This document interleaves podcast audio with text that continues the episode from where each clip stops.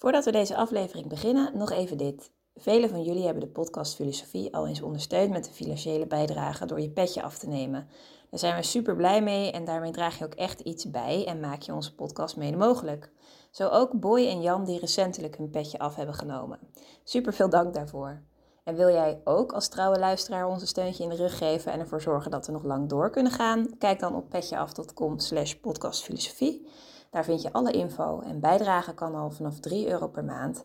En het biedt ook leuke extra's op, zoals bijvoorbeeld toegang tot onze bonusafleveringen. Maar voor nu, veel plezier met deze aflevering. Het doel van het leven is leven in overeenstemming. Dat is leven volgens één reden en het harmonische leven. Want zij die in strijd leven met de reden, zij zijn ongelukkig. Dit drukt de kern uit van het denken van Zeno van Kitium, grondlegger van de Stoa. Op welke manier probeerde Zeno antwoord te geven op de vragen van Socrates? Wat is volgens hem het verband tussen jouw bestaan en het grote geheel? En wat is het verschil tussen goede en slechte emoties? Over deze vragen en nog veel meer gaan we de komende drie kwartier hebben. De gast is René Brouwer, de denker die centraal staat, Zeno.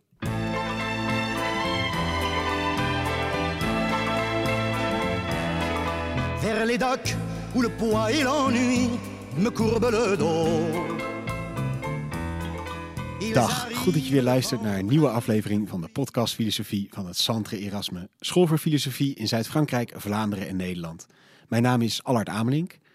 Het concept van deze podcast is zoals altijd simpel. Er is een hoofdgast, er is een presentator en een sidekick. En in ongeveer 45 minuten duiken we in het denken van één filosoof. Vandaag zit naast mij Kees. Dag Allard. En vandaag mogen we denk ik met recht weer wat over het uitzicht zeggen. Zeker op een mooie plek in Amsterdam. Schitterend, ja. Kijken mooi uit over de straat. En wij zijn te gast bij uh, de hoofdgast van vandaag, René Brouwer. Mooi dat we hier mogen zijn, uh, René. Van harte welkom. Jij uh, studeerde filosofie en rechten in, in Utrecht en Amsterdam. Je bent gepromoveerd aan de University of Cambridge en doseert momenteel rechtsfilosofie aan de Universiteit van Utrecht. En je doet ook onderzoek naar de interpretatie van wijsheid en rechtvaardigheid bij de Stoa. Zo is het. Mooi. We gaan namelijk het vandaag hebben over ja, de godvader van uh, de Stoa, de Zeno van Kitium. Die leefde van ongeveer 335 tot 262 voor het begin van onze jaartelling. Hij werd geboren op Cyprus, kwam in Athene terecht en studeerde daar als leerling van Crates, van Thebe en van uh, Polemon. Hij ging zelf lesgeven, stichtte een eigen filosofische school. En omdat hij les gaf op de Agora in Athene in de Stoa Poikile, letterlijk de beschilderde zuilengang, werd op een gegeven moment ook zijn filosofische school zo genoemd, dus de Stoa. Um, in ons dagelijks taalgebruik uh, kennen we natuurlijk de term stoïcijns. Ik denk dat dat een uh, ding is waar de meeste mensen de Stoa van kennen. Um, klopt het ook dat het denken van Zeno vooral gaat over een levenshouding, zoals stoïcijns natuurlijk ook een, een houding is? Uh, ik, ik, denk dat je dat zeker kunt zeggen, dat de Stoa of dat het, het, het uh, bijvoorbeeld naamwoord stoïcijns, hè, verwijzend naar zo'n levenshouding, dat de stoa dat ook met zich meebrengt. Maar de stoa wil veel meer dan, uh, dan alleen een, een ethiek zijn. de stoa is echt een van de eerste scholen die probeert denkrichtingen het, woord school is misschien al, uh, al een beetje te sterk uitgedrukt. Uh, een van de eerste denkrichtingen waarin uh, geprobeerd wordt om een alomvattend wereldbeeld te schetsen. Waar het dus niet alleen gaat om hoe mensen behoren te handelen, maar ook om hoe de wereld in elkaar zit en vervolgens ook nog hoe die uh, wereld dan het, het best begrepen kan, kan worden met behulp van, van de reden. Want hoe gaat, hoe gaat Zeno daarin te werk net? Hij, uh, integreert hij allerlei denken wat in zijn tijd gangbaar was? Of hoe gaat hij te werk? Nou ja, uh, Zeno, je zei het zelf net al even in je, in je mooie inleiding. Uh, Zeno was, was iemand die vanuit Cyprus geïnteresseerd raakte in, in wat er in Athene gebeurde op, op intellectueel gebied. En was voor zover we dat uh, uit onze, want dat moet er nog wel even bijgezet worden, uh, beperkte bronnen, uh, voor zover we dat weten, was een veelvraat. Dus iemand die van veel voorgangers zoveel mogelijk wilde, wilde, wilde opnemen. Maar dan leek het hem lijkt het hem, voor zover we dat dus nogmaals uit die bronnen kunnen, kunnen reconstrueren, lijkt het hem vooral te gaan om de figuur van, uh, van Socrates, die, uh, die, de grote, die de grote inspiratie was. En dus Socrates, uh, de, de vijfde eeuwse denker, die, die de Atheners confronteerde met, met de grote vragen van, van het leven. Wat is, wat is het goede leven? Wat is uh, wat is rechtvaardigheid? Uh, wat, is, uh, wat, is, wat is voortreffelijkheid? En op zoek was naar de antwoorden op die, op die, op die vragen. Voortdurend geconfronteerd wordt met mensen die pretenderen die antwoorden te kunnen, te kunnen geven maar iedere keer in, uh, in, die, in die antwoorden teleurgesteld, uh, teleurgesteld raakte. Want tot dan toe is dat denken van Socrates niet op een systematische manier uitgewerkt of dergelijks? Of dat is, is dat meer in een permanent Socratisch gesprek overgedragen? Hoe, hoe is dat gegaan? Nou, het, het, het, het, idee is in eerste instantie dat, dat, dat Socrates op zoek is naar die, uh, naar die, naar die antwoorden. En dat hij die antwoorden dus, dus, dus niet, niet vindt. Desalniettemin hè, kun je uit, wat er, uit die gesprekken uh, en dat is denk ik wat, wat Zeno probeert te doen. Uh, uit die gesprekken, uh, uit de manier waarop. Trouwens, dat moet ook nog even bij. Socrates is al, hè, wanneer Zeno uiteindelijk in Athene aankomt. je zei het al, hè, 330, 260 voor, voor onze jaartelling. Socrates is al lang dood.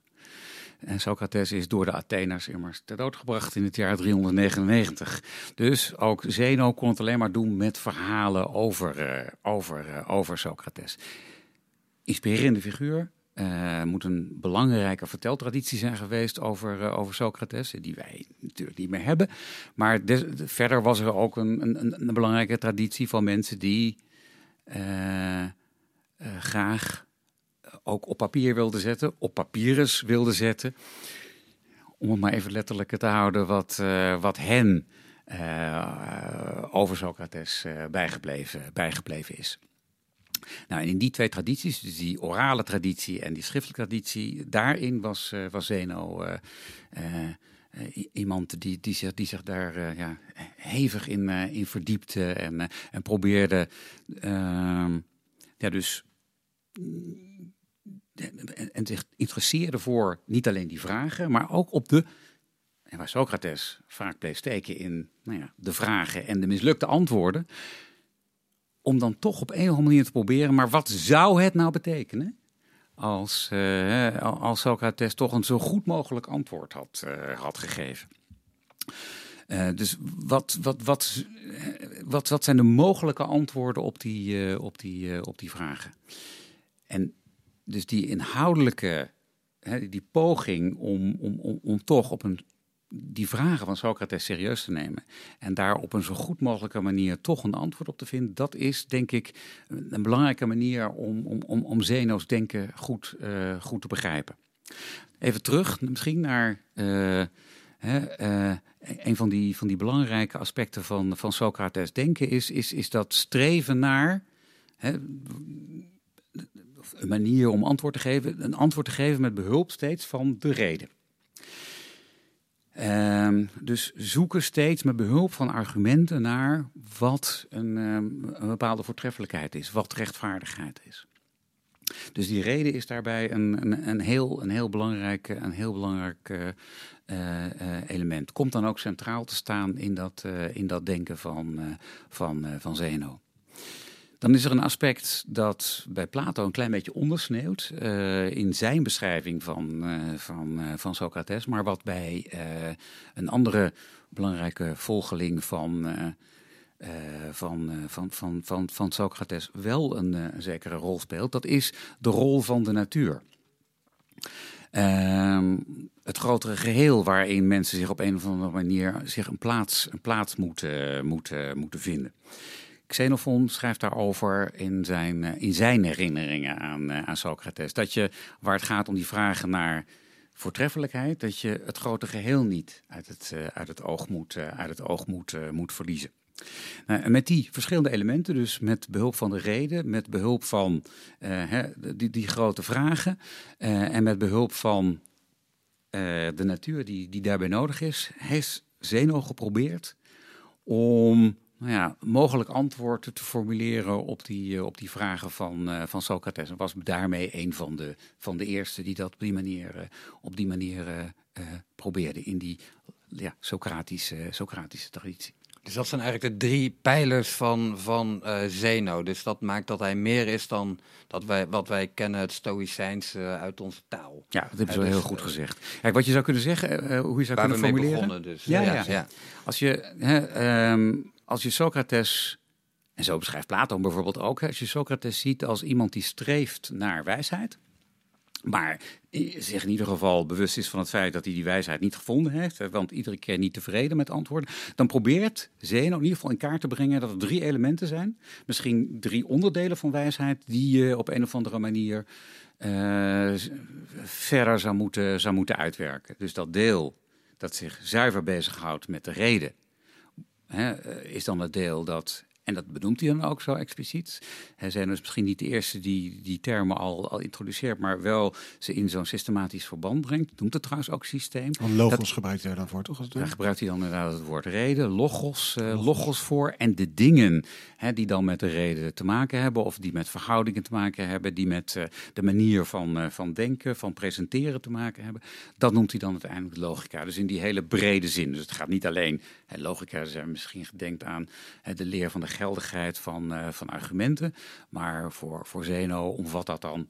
Dat, dat hoort er ook bij. Dat is natuurlijk de belangrijkste manier misschien wel om, uh, uh, om die logos op, op zichzelf te beschouwen.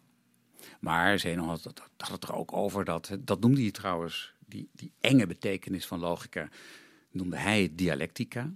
Gaat eigenlijk overigens ook weer op die, in die Socratische zin terug op, uh, ja, het Griekse woord is dan dialegestai, dus met elkaar in gesprek zijn. Dus het gaat rechtstreeks terug op, dat, op de goede manier van gespreksvorming, zoals je die bij, uh, bij Socrates. Dat is meer het logisch denken, zeg maar. Logisch denken, dus ja. dat wat je hè, inderdaad... Uh, uh, met, met hulp van, uh, van argumenten op een goede manier kunt, uh, kunt, kunt beweren. Maar ook naast die dialectica kun je dat op een uitgebreidere manier doen. Op basis waarvan die mensen kunt overtuigen. Dus een ander deel van die, van die logica is dan, is dan de retorica. Zeno was dol op van die vergelijkingen. Dus hij gebruikte bijvoorbeeld ook de, om, om, om aan te geven dat allebei onderdelen waren van, van, van de logica. Twee, maar op twee verschillende manieren om met die logos om te gaan. De dialectica stelde die voor als de hand met de gebalde vuist. Dus de korte manier van, van, van redeneren. En de retorica, dan ging de hand wijd open. Dat is dan uh, de, de, de retorica, volgens. En daarnaast nog een belangrijk onderdeel, dat wordt dan echt zeg maar een van de. Een, van de centrale onderdelen in het, in het debat dat dan gaat, gaat ontstaan over de posities die dan de Stoa gaat, gaat innemen, is dan de, de kennisleer. Een, een, een, belangrijk onderdeel van die, van, die, van die logica. Want uiteindelijk zegt ze, er is een soort van basis waarmee we uiteindelijk tot zekere kennis kunnen, kunnen, kunnen komen. Dus dat is het die, eerste die hele deel. eerste pijler inderdaad van, van die, die uh, heeft logos. drie delen, die Het- eerste pijler. Dat, die heeft al drie delen. Die heeft drie delen. Die ja, heeft al ja. drie delen. Kennisleer, de, de, de gebalde wel is de vuist van de dialectiek en de retorica met de open hand. De Zo is dat. ja. Zo Ja. is dat. Ja. Ja, ja. En dan vervolgens, en dan gaan we het weer hebben over dat streven naar wijsheid en de delen daarvan. En naast dus die logica, eh, mo- moet ook het grotere geheel in oogschouw worden, worden genomen en bestudeerd worden om eh, een antwoord te krijgen op de vraag naar wat is wijsheid. En eh, dat deel wordt dan de fysica genoemd. Dus het deel dat zich bezighoudt met, eh, met, met de natuur. Maar daar heb je die logica voor nodig. Dus die, al die onderdelen, die eh, hangen met elkaar, eh, met, elkaar, Ja. eh, met elkaar samen. Want wat is dat derde onderdeel dan? Want je hebt dus dan de, de logica, de fysica en Ja, dan komen we weer terug bij het begin van ons gesprek. En dan, De komen ethica. We, en dan komen we inderdaad terecht bij, eh, bij, de, bij de ethica. En dus het deel dat, zich, eh, dat dat antwoorden probeert te geven op de vraag naar wat is het goede leven, wat is, eh, wat is voortreffelijkheid, wat is rechtvaardigheid enzovoort. Dus hoe horen wij ons, ons te, te gedragen? Of misschien in die klassiekere zin beter, omdat het niet zozeer gefocust is op handelingen, maar veel meer wat betekent dan goed mens te zijn. En dat is, Dat die, is de eh, overkoepelende vraag binnen de ethica. dat is de overkoepelende vraag binnen, binnen de ethica. Dus niet zozeer gericht op handelingen, maar zoals dat eh, eh, in, die, in dat klassieke denken in eerste instantie voorop stond. Door handelingen volgen daar weer uit. Maar wat betekent het om een goed mens te zijn? Wat, wat maakt een, een goed mens? Een goed mens doet goede dingen. Maar eerst, eerst wat is dat? eh, wat is iemand die, eh, die goed is of wat is iemand die wijs is? Dat zijn de belangrijke vragen die daar dan eh, in die ethica aan, aan, bod, aan bod komen. En dit is dus eigenlijk dat, raamwerk waarbinnen Zeno aan de slag gaat, waarmee hij het eigenlijk de antwoorden van die Socrates misschien nooit heeft gegeven, maar zover als Socrates zou misschien zou kunnen komen, gaat inkleuren. Ja. Waar komt hij dan mee? Want we zeiden al een beetje, het hangt allemaal met elkaar samen, maar hoe vult hij deze drie terreinen in?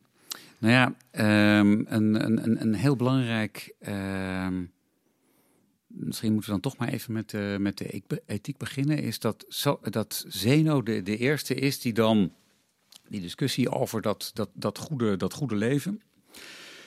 eh, dat hij, ehm, of de vraag naar het goede leven, dat hij daar een antwoord op geeft.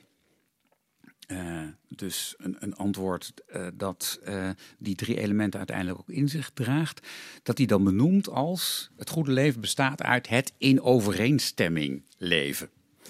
In, in het Grieks wordt dat dat to zen. Dus het leven volgens de gelijke, daar zit het woord logos in, homologumenos, logos, van eenzelfde logos zijn. En nou klinkt dat allemaal heel compact en, en, en, en, en tamelijk, eh, tamelijk ingewikkeld. Maar als je dat Grieks uit elkaar haalt, dat betekent dat, hè, dat homoios gelijk, eh, reden, hè, die logos eh, zit, zit daar weer in, dat die eigenlijk, die formule wordt dan verder uitgewerkt door zijn, door zijn, door zijn, door zijn leerlingen. Dus we nemen aan dat we deze formule ook aan, aan Zeno kunnen, kunnen toeschrijven.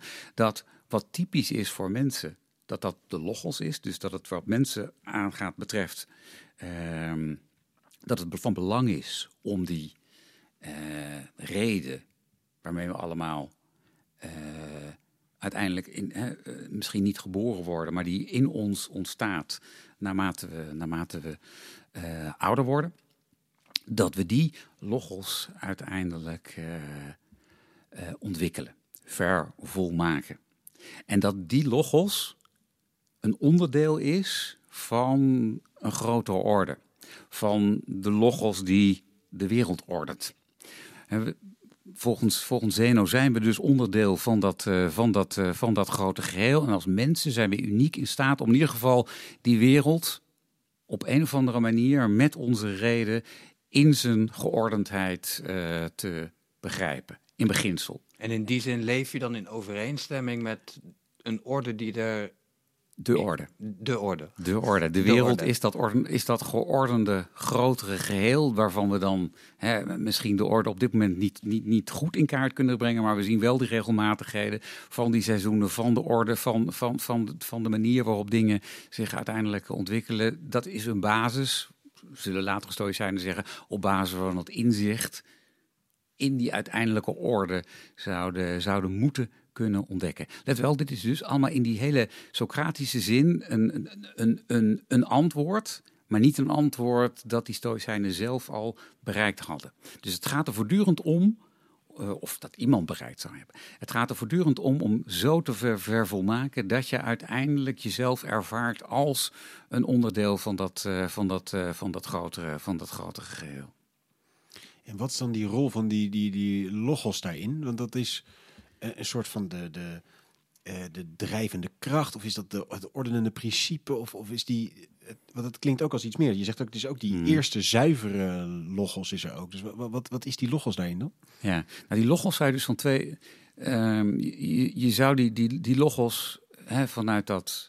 eh, zou, zou op twee manieren kunnen bekijken. Dus één, de logos van, zoals wordt het ook wel geformuleerd, zeker in de, in de wat, wat, wat, wat moderne literatuur. Je zou de logos van bovenaf kunnen bekijken. Dus vanuit het grote geheel, de logos als het ordende beginsel. En je zou de logos ook van onderaf kunnen bekijken, namelijk vanuit het menselijk, eh, vanuit het menselijk, eh, menselijk perspectief. Eh, het, het idee is dus dat je met de reden uiteindelijk de wereld als dat geordende eh, geheel eh, ervaart vanuit dat, vanuit dat menselijk, menselijk perspectief. Maar vanuit eh, dat, dat, dat perspectief van, van, boven, van bovenaf, is het idee vooral dat die, dat die logos, volgens de Stoa, het, het, het, het, ja, het, het, eh, het principe is, of wel gelijkgesteld wordt aan het, het, het, eh, het, het beginsel, het ene beginsel dat op een of andere manier alles, alles ordent. In de Stoïcijnse fysica worden er eigenlijk twee belangrijke beginselen onderscheiden. Dus in, in de meest simpele vorm wordt, worden die onderscheiden als het actieve en het, eh, en het passieve beginsel. Ehm, het actieve beginsel dat geeft vorm aan het, eh, aan het, eh, aan het passieve. En in de hoogste manifestatie is dat actieve beginsel wordt gelijkgesteld aan de reden. De goddelijke reden wordt je ook wel genoemd. Dus ook in die zin is dat een soort van God, of kan het gelijkgesteld worden aan het, aan het goddelijke, wordt ook gelijkgesteld aan een soort van ja, heel fijn, ehm, ehm, uit hele fijne deeltjes eh, bestaande eh, ehm, vorm van, eh, van, van vuur. Allemaal in die nou, misschien iets wat eenvoudige voorstelling van de, van de, van de Stoïcijnse natuurkunde, maar die op, die op die manier wel de wereld als zodanig eh vorm geeft. En mensen hebben daar dus aan die hoogste manifestatie van, die, van, dat, van dat actieve beginsel, eh, die hebben daar aan deel. Juist omdat onder alle levende wezens eh, mensen de enige zijn, volgens, eh, volgens de Stoa, die inderdaad ook uiteindelijk zo'n zo'n reden ontwikkelen. Op een En- en- onvolmaakte manier natuurlijk. Ja, dus want dat is nou, het is niet een definitief antwoord, maar het is meer de, de route eigenlijk. Dit zou de. Dit is de, je zou kunnen zeggen, dit is de, de Socratische routekaart naar, naar een antwoord op de vraag: Wat is het goede wat is voor mij het goede Ja. leven? En je zegt dat actieve beginsel en passief beginsel, dat begrijp ik Ja. niet helemaal. Wat, wat, wat bedoel je mee? Ja, nou ja, Want dan eh, zit je in, de tweede, in die tweede pijler alweer. ja, dus dan hebben we het eigenlijk over de Stoïcijnse natuurkunde. En in Ja. de Stoïcijnse natuurkunde worden eigenlijk twee, ja, ehm, de grondslagen daarvan zijn simpelweg dat er twee beginselen zouden zijn. Eh, je zou kunnen zeggen, dus materie en in die hoogste manifestatie reden. En dat die materie dus op een of andere manier eh, vorm, eh, vorm krijgt door die, door die reden. Dat is een hele mooie Griekse term voor dat die, die, die, die, die reden er uiteindelijk in slaagt om de, ja, de wereld te ordenen. Ook in die zin, in de letterlijke betekenis van het Griekse woord voor wereld, kosmos, ordening. En is dat dan, moeten we dat een beetje verstaan in de, in de zin van Plato, van een soort grote ideeën en, en materie die zich daarna ordent? Eh, nee, het idee is echt dat die kracht in deze wereld is. En op die manier dus in ons Die allemaal niet in elders, alles maar is. die, die Die is... bevindt zich dus eh, bevindt zich hier. En heeft dus allerlei, eh, allerlei bestaansvormen. Een soort van schaal van de natuur die de, die de Stoa daar onderscheidt. Dus zeg maar de laagste manier waarop dan dat, dat actieve beginsel zich, zich manifesteert, is simpelweg hoe dingen zich. eh, ehm, eh, hoe bijvoorbeeld een steen. eh, niet als los zand uit elkaar valt. Dus dat is gewoon simpelweg de, eh, ja, de, eh, eh, eh, de manier waarop dingen worden samengehouden. Dus dan, daar gaat het om de, de levenloze, levenloze natuur. Eh, bij eh, een stapje hoger alweer, waar het gaat om, eh, om planten, is dat het groeien. Eh, bij dieren is dat zoiets als dat, dat, er, dat er leven is en de mogelijkheid van beweging en waarnemen. En bij, eh, bij mensen is dat, eh, is dat, nou ja, dat ze uiteindelijk in staat zijn om, om redelijk te wezen. Maar allemaal manifestaties van, van, dat, van, dat hetzelfde een- principe Van datzelfde, van datzelfde beginsel. Ja. En het beginsel dat, dat er een actieve en een passieve structuur in ieder ding zit. Ja. Ja. Nou, niet in ieder ding zit.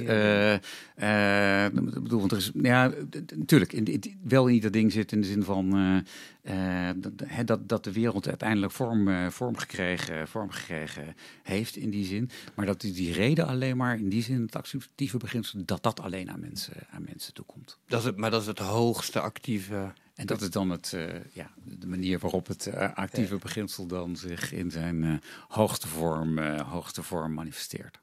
En hoe moeten mensen daar dan toe handelen? Want je zegt, weet je, dat, dat overeenst, in overeenstemming met die orde leven, Ja. dat is dat, dat goede leven. Maar hoe, hoe kom je daar? Of hoe eh, hoe ga je die weg op? Je zei net, het is een beetje een weg. Hoe, hoe, welke routekaart moeten we volgen? Nou ja, dus dat je in, in ieder geval die twee aspecten voortdurend in, eh, of, of misschien drie aspecten in, eh in ogenschouw moet, moet, moet nemen. Dus dat je jezelf van bewust bent dat je vanaf nou, je zevende of je veertiende hè, in staat bent om goed te redeneren. Dus dat is eh, dat je dus in staat bent om. eh, eh, en dat je in staat bent om goed waar te nemen. Ehm, dus dat is, dat is wat betekent goed waarnemen, is dat je volgens de STOA de indrukken die je krijgt, dat, die, dat je die indrukken ook waarneemt van dingen die zijn zoals ze zijn. En dat je dus in staat bent om eh, een indruk van eh, hè, iets wat, eh, wat, wat, wat er niet is te onderscheiden van een indruk van wat er wel is. Je hebt gewoon onderscheidingsvermogen. Je weet wat er... Nee, ik snap hem eigenlijk niet. Nou ja, dat je in staat bent om eh, een ware indruk te onderscheiden van een niet ware indruk. Tegenstanders van de Stoïcijnen die kwamen onmiddellijk aanzetten met tweelingen en lieten dan de ene helft van de tweeling op het ene moment zien en het, de andere helft van de tweeling op, eh, op, de, op, het andere, op het andere moment. En zeiden, ja zie je wel, jullie kunnen het zelf niet eens. Hè? Jullie halen de tweeling al, eh, al, al door elkaar. Nee, maar dat je bijvoorbeeld niet als het om een mens gaat, dat je niet een fantoombeeld van een mens als een, eh, als een mens eh, beschouwt. Dus dat je op die manier simpelweg eh, begint met, oké, de, de, de onjuiste waarneming van de, van de juiste waarneming te, te onderscheiden. Dus dat is zeg maar het, het, Ja, goed redeneren en goed waarnemen als, Ja, als stap. ja, en dus dat je daarmee dus, hè, dat je met die, dat je, waar, waar het om die goede indruk gaat, dat je met die goede indruk instemt. Dat is dan wat, eh, hoe, de, hoe de Stoa dat dan eh, noemt, waar het gaat om, die, eh, om, de, om de kennisleer van, van, van de Stoa. Dan kan het nog steeds zo zijn dat je maar een, hè, een deelaspect begrijpt en dat je dus het grote geheel niet begrijpt, want daar moet je dan uiteindelijk naartoe. En dat je op die manier dan eh, nog steeds niet tot, hè, dat je misschien een goede indruk hebt, maar dat het grote geheel niet klopt. Dus uiteindelijk moet je ook het grote geheel eh, eh, leren, leren, leren waarnemen. Want hoe kun je dat waarnemen inderdaad dan? Want dit Nou is ja. eigenlijk nog je directe omgeving. Ja, nee, dus daar zul je dan ook aan moeten werken in die zin. Dus je zult, je zult moeten begrijpen hoe de wereld dan, hè, misschien met behulp van die Stoïcijnse fysica, dan, dan in, elkaar, in elkaar zit. Maar het is een lang en, en moeizaam, en moeizaam, moeizaam proces waar, je, waar we mee te maken hebben. Hè, de Stoïcijnen, waar het gaat om de vraag van, goh, dit is dan de routekaart en daar gaat het dan uiteindelijk naartoe. Eh, waren de Stoïcijnen in staat om hun eigen routekaart op die manier ook te volgen? En waren ze uiteindelijk zelf eh, eh, wijs zoals ze dan meenden dat je wijs zou, zou, zou kunnen zijn? op de manier van, van Socrates. En daarvan zeiden de Stoïcijnen, nee, dat zijn wij in die zin niet. Het blijft steeds een enorm gevecht om eh, iedere keer weer met iedere waarneming eh, weer eh, de juiste keuze te maken en die op de juiste manier in een groter geheel eh, te plaatsen. En steeds worden we weer geconfronteerd met de onvolmaaktheid van, van, van wie we zijn als, als, als mensen. En welke rol spelen emoties daar inderdaad in? Zit dat ook op die waarneming? Ehm, nou, die zit in ieder geval op het niveau van de waarneming, of misschien op een, op een niveau hè, dat dan verder dat voortbouwt op die, eh, op die waarneming. Maar inderdaad, uiteindelijk eh, gaat dat terug naar die, naar die waarneming en dus naar het verkeerd waarnemen van, eh, van, van de dingen zoals ze voor jou zijn. Hè, dus dat, dat betekent dat je volgens, volgens de STOA dat, dat een, een, een, een, een emotie gaat uiteindelijk terug op een verkeerd oordeel. Eh, in ieder geval een slechte emotie gaat terug op een, eh, op een verkeerd oordeel. Misschien dat we nog straks even kunnen spreken over de paar goede emoties die, eh, die, de, Die die, de Stoa ook... nee, het is, hè, vaak wordt gedaan, ja, het gaat over de Stoa, het gaat over die gevoelloosheid, die onaangedaanheid. En daar zit ook wat in. Je moet juist je emoties niet hebben of onder controle hebben. Of... Ehm, nou, omdat emo- dus die verkeerde emoties worden gedefinieerd door de Stoa als een verkeerd oordeel. Dus het is een verkeerd inzicht in de manier waarop je, eh, waarop je in, de, in, de, in, de wereld, eh, in de wereld staat. Ehm, dus eh, is woede is bijvoorbeeld, volgens, om maar een klein voorbeeld te geven, woede is een emotie die je nou ja, die, die, die, die, die heel menselijk is, maar vaak ook een, een, een, een, simpelweg een uiting is van een onvermogen om met die wereld om te gaan. Want als het echt belangrijk zou zijn, dan zou je ofwel er iets aan doen, of zou je het terzijde laten. En zou je dus niet met zo'n verkeerde emotie komen. Verdriet, idem dito. En dus dat zijn allemaal uh, uh, emoties die mensen vanzelfsprekend hebben, maar waar je volgens de STOA dus eigenlijk van af moet. Uh, moet, moet maar want waarom is dat dan een verkeerd oordeel? Want je zou dus ofwel moeten zeggen god, dit moet anders, dus ik moet het anders doen. Of wel zeggen, ja, hier kan ik toch niks aan veranderen, Precies. dan is het maar zo. Ja. En dan moet je dat accepteren. Ja. ja. Je bent dus het onscherp in je waarneming als je er boos over wordt. Want ja, het is of het een of het ander, maar die boosheid is in ieder geval... Ja, nou ja, het, het, verlies van een geliefde is verschrikkelijk, maar daarmee breng je die geliefde niet meer terug. Dus je zou kunnen zeggen, misschien is een beter oordeel is om je leven om dat, op een andere manier te herpakken. En, eh, en, en op die manier eh, niet te blijven hangen in dat, uh, in, dat, in, dat, in dat verdriet. En met woede idem dito. Daar kun je vaak ook niet zo heel veel mee. Dus dan moet je proberen om dat om te buigen en daar op een andere manier nou ja, je van bewust te zijn dat dat een, een zaak is die, nou ja, uh, onbelangrijk is om, uh, om of, of te onbelangrijk is om boos over te worden. Of als je er weet aan kan doen, om dat op een andere manier dan daaraan, daaraan iets, iets te doen. En dat is dus een, een ordening van die natuur eigenlijk waar je dan toe verhoudt. Het is een ordening van je eigen die tweede, natuur. Die tweede pijler. Ten opzichte, ten opzichte van het grote geheel waar je, waar je onderdeel van, uh, van uitmaakt. Dus, dus het gaat dus voortdurend om het in overeenstemming brengen van je eigen natuur ten opzichte van die, uh, van die, uh, van die al, al natuur. En, en dat doe je als ik dan hopelijk goed vertaal, met, met behulp van die derde pijler, van die reden. Ja. Uh, en daarvan zeiden we in het begin, die bestaat eigenlijk uit drie elementen. Mhm. Dialectiek, retorica en ja.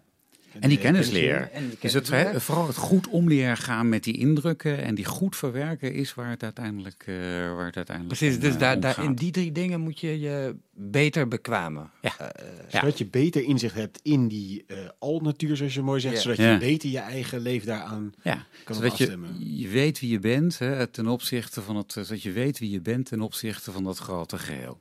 En, en dus die zelfkennis is in die zin hè, van uh, ken u zelf in zo'n zo'n en die beroemde spreuk van het, uh, van het uh, Delfisch, Delfisch orakel.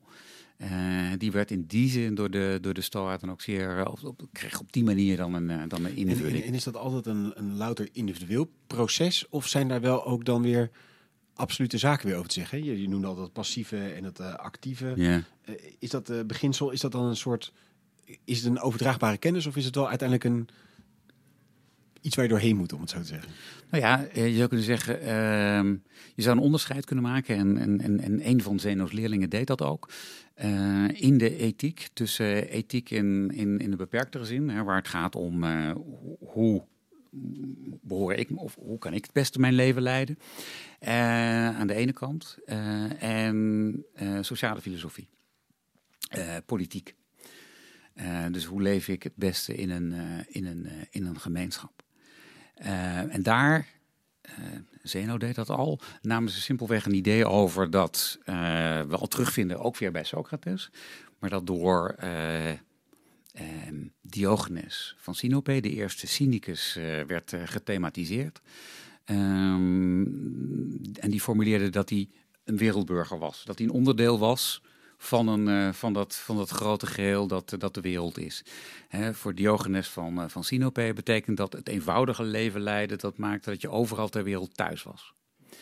En dat je, dat je het met een ton een, een, een, een, een, bierton, een, een wijnton. Ik neem aan dat een wijnton in het, in het, in het Griekse, in, het, in de Griekse context een, een, een, een, beter, een beter woord is. Hè, dat, je, dat je daaraan genoeg had om, uh, om prettig te, kunnen, te kunnen wonen. Hè. Dus uh, het idee dat je hem in de winter van de zon, van naar de zon toeschoof, die opening, om, om dan wat warmte op te, op te vangen. En dat je in de zomer, waar het in Griekenland, in Athene dan te warm was, dat je hem naar de andere kant op draaide zodat je, zodat je nou ja, op een eh, prettige manier uh, dan uh, nou, dat je in ieder geval wat koeler, wat, wat had. Maar het idee is dan dus dat je hè, het, het uiteindelijke doel is dus niet alleen dan het goede leven voor jezelf, maar ook het goede de- leven met, eh, met, met, andere, met, andere, met andere wereldburgers, met anderen die, eh, die ook die, eh, die reden op die, op Ja, die dus manier het- het is deels hebben. echt een individuele tocht en deels zijn er wel een soort algemene zaken die je daarover kan zeggen.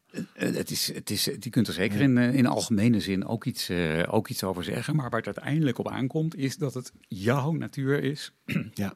Die je in overeenstemming moet brengen met, eh, met, die, eh, met, die, eh, met die al-natuur. Dus zeker in, in, in, in- het gesprek, in het, in het debat, in het, in het samenleven moet het, moet het daarom, moet het, is, is, is dat van groot belang om, om met elkaar die, die zoektocht te hebben.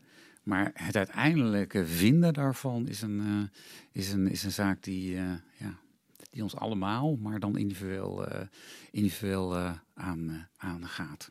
Dan hadden we het net over die slechte emoties die het gevolg zijn van een verkeerd oordeel.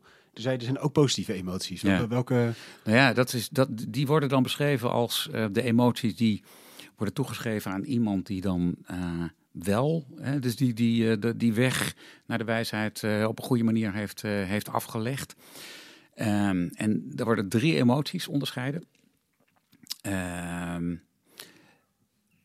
Eén emotie wordt dan beschreven als dat je ehm, wil wat hè, eh, uiteindelijk dat actieve beginsel ook wil. Ehm, wordt wel gelijkgesteld aan de wil van de, de, de, de, de Griekse oppergod in gewone alledaagse Griekse, Griekse termen. Hè, zoals dingen moeten zijn, dan wil je wat de wereld uiteindelijk ook wil, wat dat grote geheel ook, eh, ook wil. Ehm, dat wordt als een emotie eh, beschouwd. Dus je, begint- je, doet, je neemt eigenlijk actief deel aan dat actieve, actieve beginsel. Dus wil is een emotie dan. Is in die zin, ja, het, Is, het is een raar woord. Het is, een, het is de rationele wil van, van, van, die, van, die, van, die, van die oppergrond. Boulesis is het, is het, eh, is het, Griekse, is het Griekse, Griekse woord. En tegelijkertijd is er ook een, een, een, een, emotie van acceptatie, dat, waar je, dat waaraan je niets kunt veranderen, dat je dat ook als zodanig accepteert. Dat, worden de, dat zijn de twee van die goede emoties, die uitpartij. En dan de derde is, die hoeft niet altijd, eh, hoeft er niet altijd eh, te zijn. Maar dat is dan de vreugde die, eh, die, die er kan zijn als je eenmaal eh, in overeenstemming zou, eh, zou, zou leven. Dat betekent dat in, in allerlei ehm, paradoxale formuleringen, dat wil zeggen formuleringen die ingaan tegen ja, gezond verstand, zou je, zou je kunnen zeggen, maar die wel proberen aan te geven wat het zou kunnen betekenen om, om, wijs, om wijs te zijn.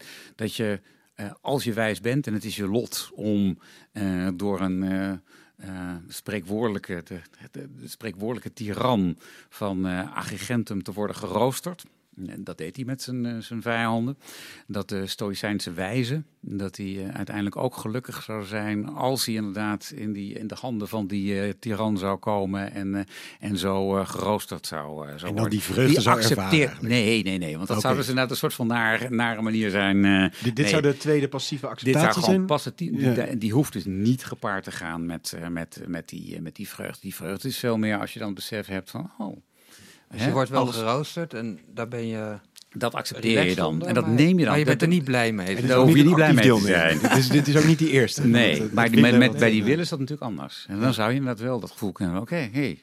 Er is een hele mooie vergelijking die, eh, die ergens in onze, onze bronnen voorkomt over eh, wat het zou kunnen betekenen om, eh, om wijs te zijn, is waar de vergelijking van de fluitspeler. Of iemand die probeert, die leert om, eh, om, om fluit te spelen. En dat gaat dan makkelijk hartstikke lastig. En dat, gaat, dat, dat, dat lukt dan niet. En die grepen die, eh, die, passen, die passen allemaal niet. En, en, en op een gegeven moment zou er een moment kunnen zijn, als je maar flink oefent, dat, dat het opeens eh, het gaat. En je merkt niet eens dat het gaat, want je speelt gewoon heel erg lekker.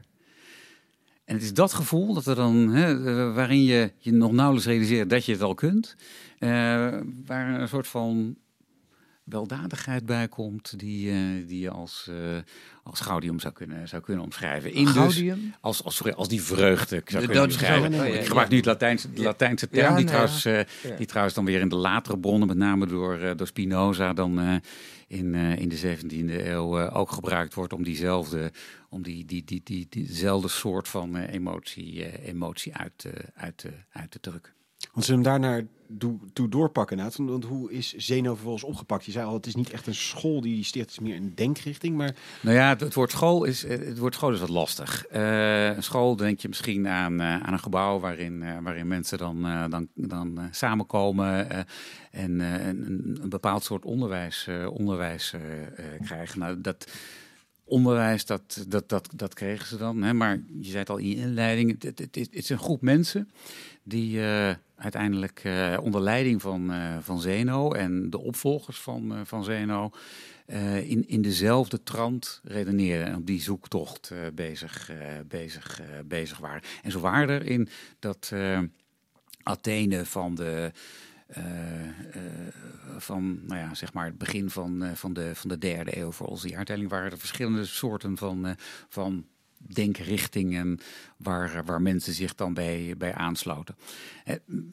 De denkrichtingen van een soort van hoger onderwijs zouden we dat nu, zouden we dat, zouden we dat, dat, dat nu noemen. Die overigens dan allemaal verschillende manieren van, eh, van, eh, van, denken, eh, van denken hadden. Dus je zou kunnen zeggen concurrerende universiteiten in dat, dat verband. Verschillende manieren om te kijken naar. Hè, naast de Stoa, grote tegenstanders van, eh, van de Stoa, eh, Epicurus, die helemaal niet de nadruk legde op de, op de reden, die wel niet centraal stelde, maar die zei nee, wat belangrijk is, is het vermijden van, eh, van pijn. het, het vermijden van verdriet als, als de, de, de grote belangrijke drijfveer voor, voor, voor mensen. Dus daar, daar gebeurt al in, in, in, die, in die sfeer een, gebeurt er in, in dat Hellenistische Athene. Nou ja, is, is, er, is er sprake van een, eh, van een heel levendig, eh, van een heel levendig eh, debat. Binnen die Stoïcijnse school wordt er dan ook weer verder steeds, hè, ik zei al, ze probeerden die, die routekaart steeds verder, steeds verder in, te, in te vullen. En je ziet dan ook hoe de directe volgelingen van, van, van Zeno in die school dan, nou ja, die, die, die formule waar we het eerst instantie over hadden, hè, hoe die dan, die hele korte formulering van Zeno, hoe die dan steeds verder wordt, eh, wordt aan, aangevuld, wordt, wordt verhelderd, zou je kunnen zeggen. Hoe er daarnaast ook geprobeerd wordt om, eh, nou ja, waar, waar die zoektocht van een hele moeilijke is. was dat overeenkomstig met de reden leven? Dat was Oh ja, inderdaad ja. het Ja. eh, leven in, in overeenstemming met, met de reden. Goed, En ik die wordt even, even terughalen. Ja, dus dat die formulering steeds verder wordt aangevuld. Hè. Zeno alleen die korte formulering. Zijn opvolger zegt, ja, maar dat leven in overeenstemming betekent het leven in overeenstemming met de alnatuur. Dan zegt vervolgens de opvolger van de opvolger van Zeno, we hebben het hier over respectievelijk Leontos van Assos en Chrysippus van Soli.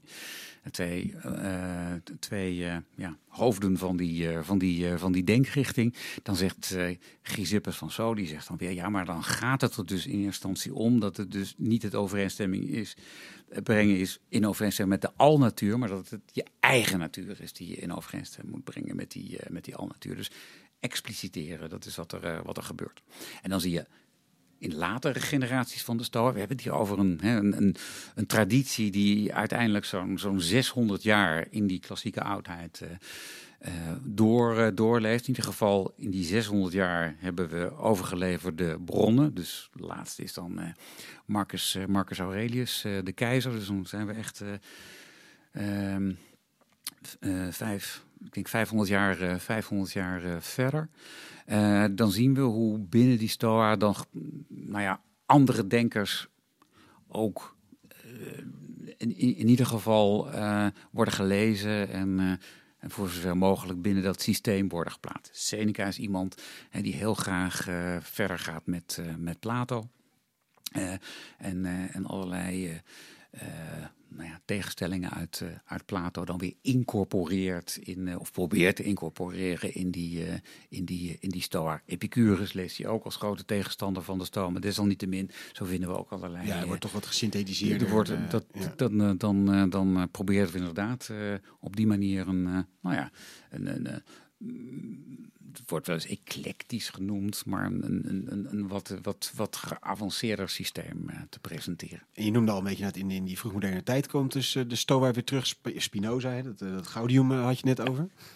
Ja, dus wat er, wat er ik zei al na Marcus Aurelius, dan blijft er of zijn er weinig mensen over die zich nog expliciet als, uh, als stoïcijn uh, beschouwen. Dat wil niet zeggen dat, dat, dat die uh, ideeën helemaal weg zijn. Of dat zo iemand als Boetius, die, die komt nog wel met, met wat stoïcijns aandoende opvattingen terug. De vertroosting van de filosofie op het moment dat hij nou ja, ter dood wordt, of ter dood veroordeeld is, dan komen er, toch, komen er toch allerlei. Ja, ja, goed. Ik bedoel, hè, het is, ja, het is een, een andere tiran waar hij zich dan toch op een of andere manier uh, toe uh, moet, uh, moet, moet verhouden voordat hij dan uiteindelijk het leven moet, het leven moet, moet laten.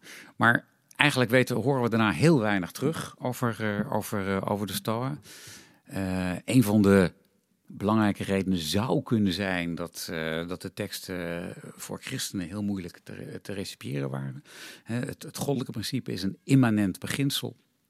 Uh, het idee van dat de wereld geschapen zou zijn, dat staat het Griekse denken sowieso ver, maar kun je ook heel moeilijk daarin lezen. Bij Plato kun je dat, zou dat kunnen. Ik bedoel, heb, daar is zo'n zo'n zo'n maker in de, in de Timaeus, de demiurg, uh, die je gelijk zou kunnen stellen. had voor christenen dus een zekere aantrekkingskracht. Bij de Stoa was dat niet zo, in tegendeel. Dus het zou kunnen zijn dat dat een, eh, een belangrijke manier is geweest, uh, reden is geweest waarom ze, waarom ze waarom de teksten van bijvoorbeeld Zeno of de directe opvolger zo slecht overgeleverd zijn. Um, en dat we dus alleen maar teksten hebben van, uh, van, wat latere, van wat latere auteurs, onder andere, onder andere Seneca. En van Seneca uh, is, is, is, is, bijvoorbeeld een correspondentie, waarschijnlijk helemaal niet van Seneca, maar met Paulus de apostel uh, overgeleverd. Nou, dat was dan wel weer interessant. En dat maakte dan Seneca over interessant. Dat zijn allemaal redenen waarom hè, die teksten dan, uh, dan misschien, we weten het niet, maar toch een. Uh, ze moesten overgeschreven worden op een, op een gegeven moment. Dus moesten bewaard worden. En dus de van verval. Ja, precies. Om, precies. Nou ja, en in ieder geval betekent dat dat we pas in de nou ja, in de renaissance weer te maken krijgen met de herontdekking van wat er dan nog zo overgebleven is. En dat dan die Stoïcijnse teksten, die meestal latere Stoïcijnse teksten, nog, nog wel worden, weer worden herontdekt. Onder andere dus van, uh, van Seneca, maar ook van, uh, van Epictetus.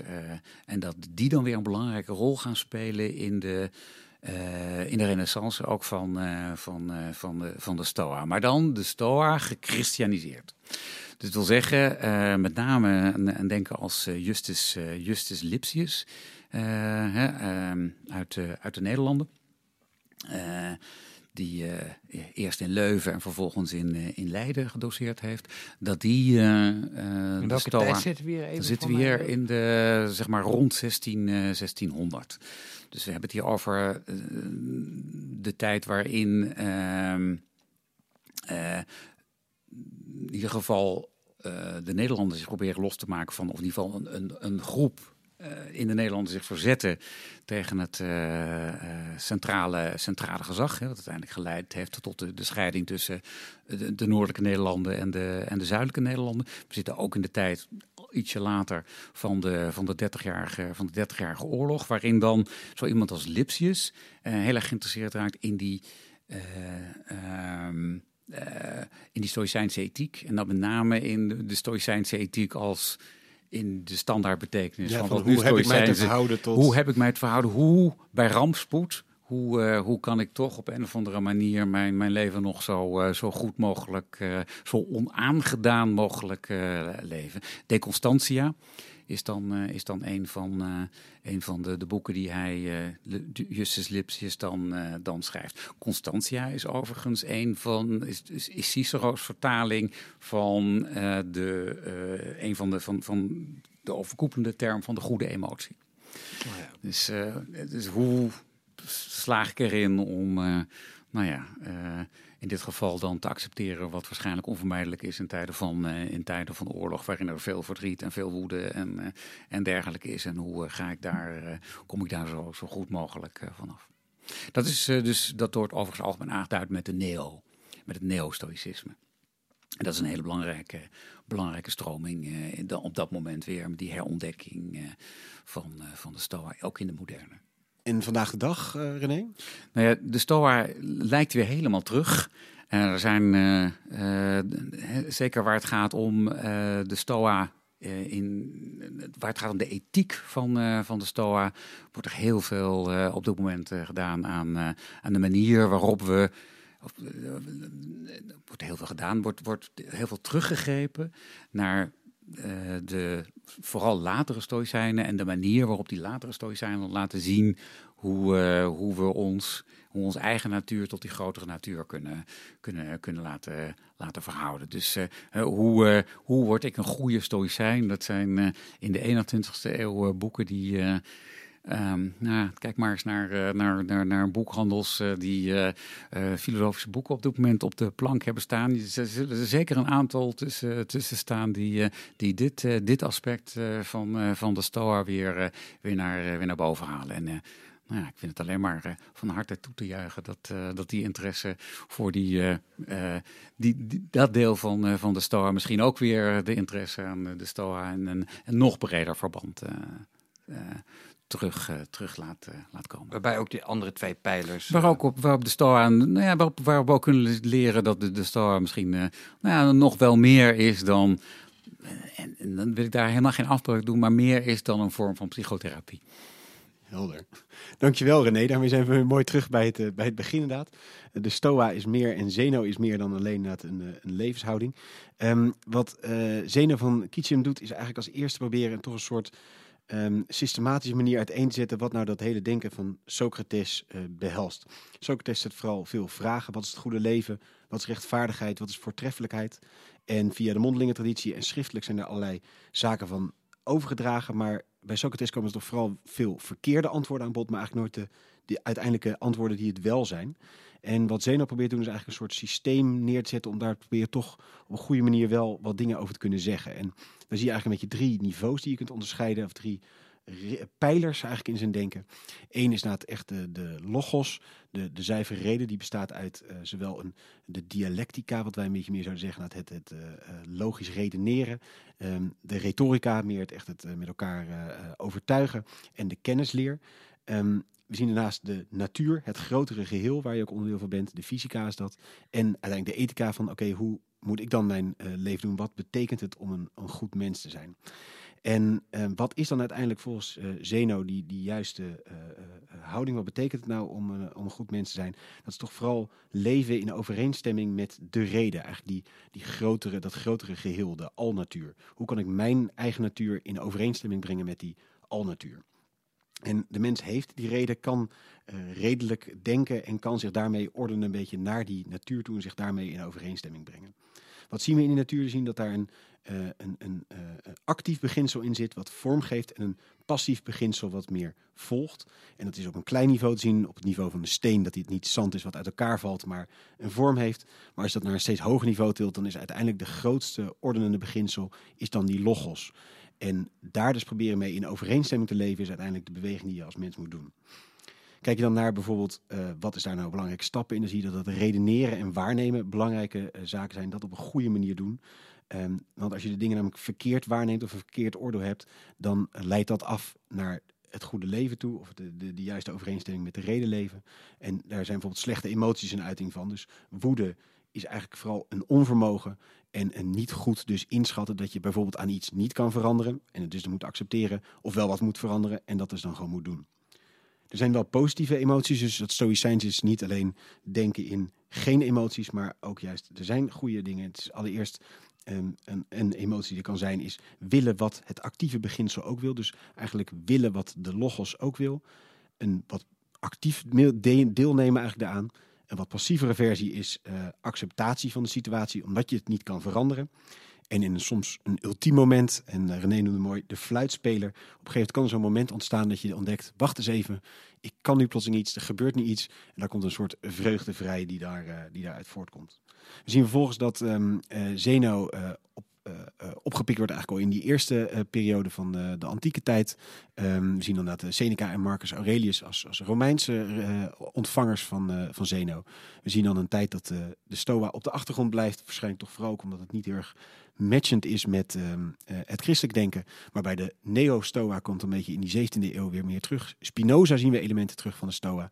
En vandaag de dag is toch vooral een beetje die uh, levenshouding kant een populaire uh, versie van, van de Stoa. Maar wat we vooral dus vandaag ook hebben gehoord, het is niet alleen een beetje psychotherapeutische filosofie. Het heeft behelst veel meer dan dat.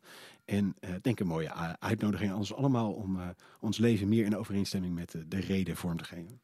Heel hartelijk dank René voor een helder verhaal en een boeiende inkijk in deze wereld. Dankjewel Kees. En vooral jij heel hartelijk dank voor het luisteren weer. En laat vooral een positieve recensie achter als je onze aflevering kan waarderen. En graag tot een volgende keer.